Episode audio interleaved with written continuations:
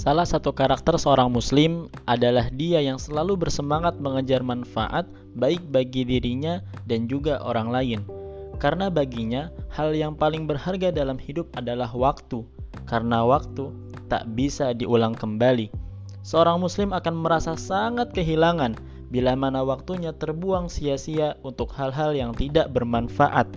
Begitulah Nabi Shallallahu Alaihi Wasallam menggambarkan karakter seorang muslim bahwa seorang muslim itu dia yang selalu bersemangat dalam mengejar kebaikan, mengejar manfaat, meminta tolong kepada Allah dan tidak pernah dia merasa lemah. Bukan seorang muslim kalau selalu mageran, sukanya gabut, rebahan melulu dan tidak mengisi waktunya dengan hal-hal yang melahirkan manfaat. Barakallahu fikum.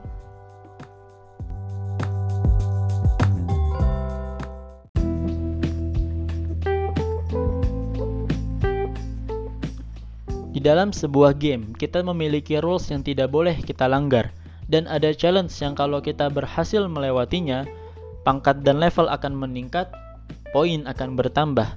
Seperti itulah gambaran dunia yang kata Allah seperti permainan.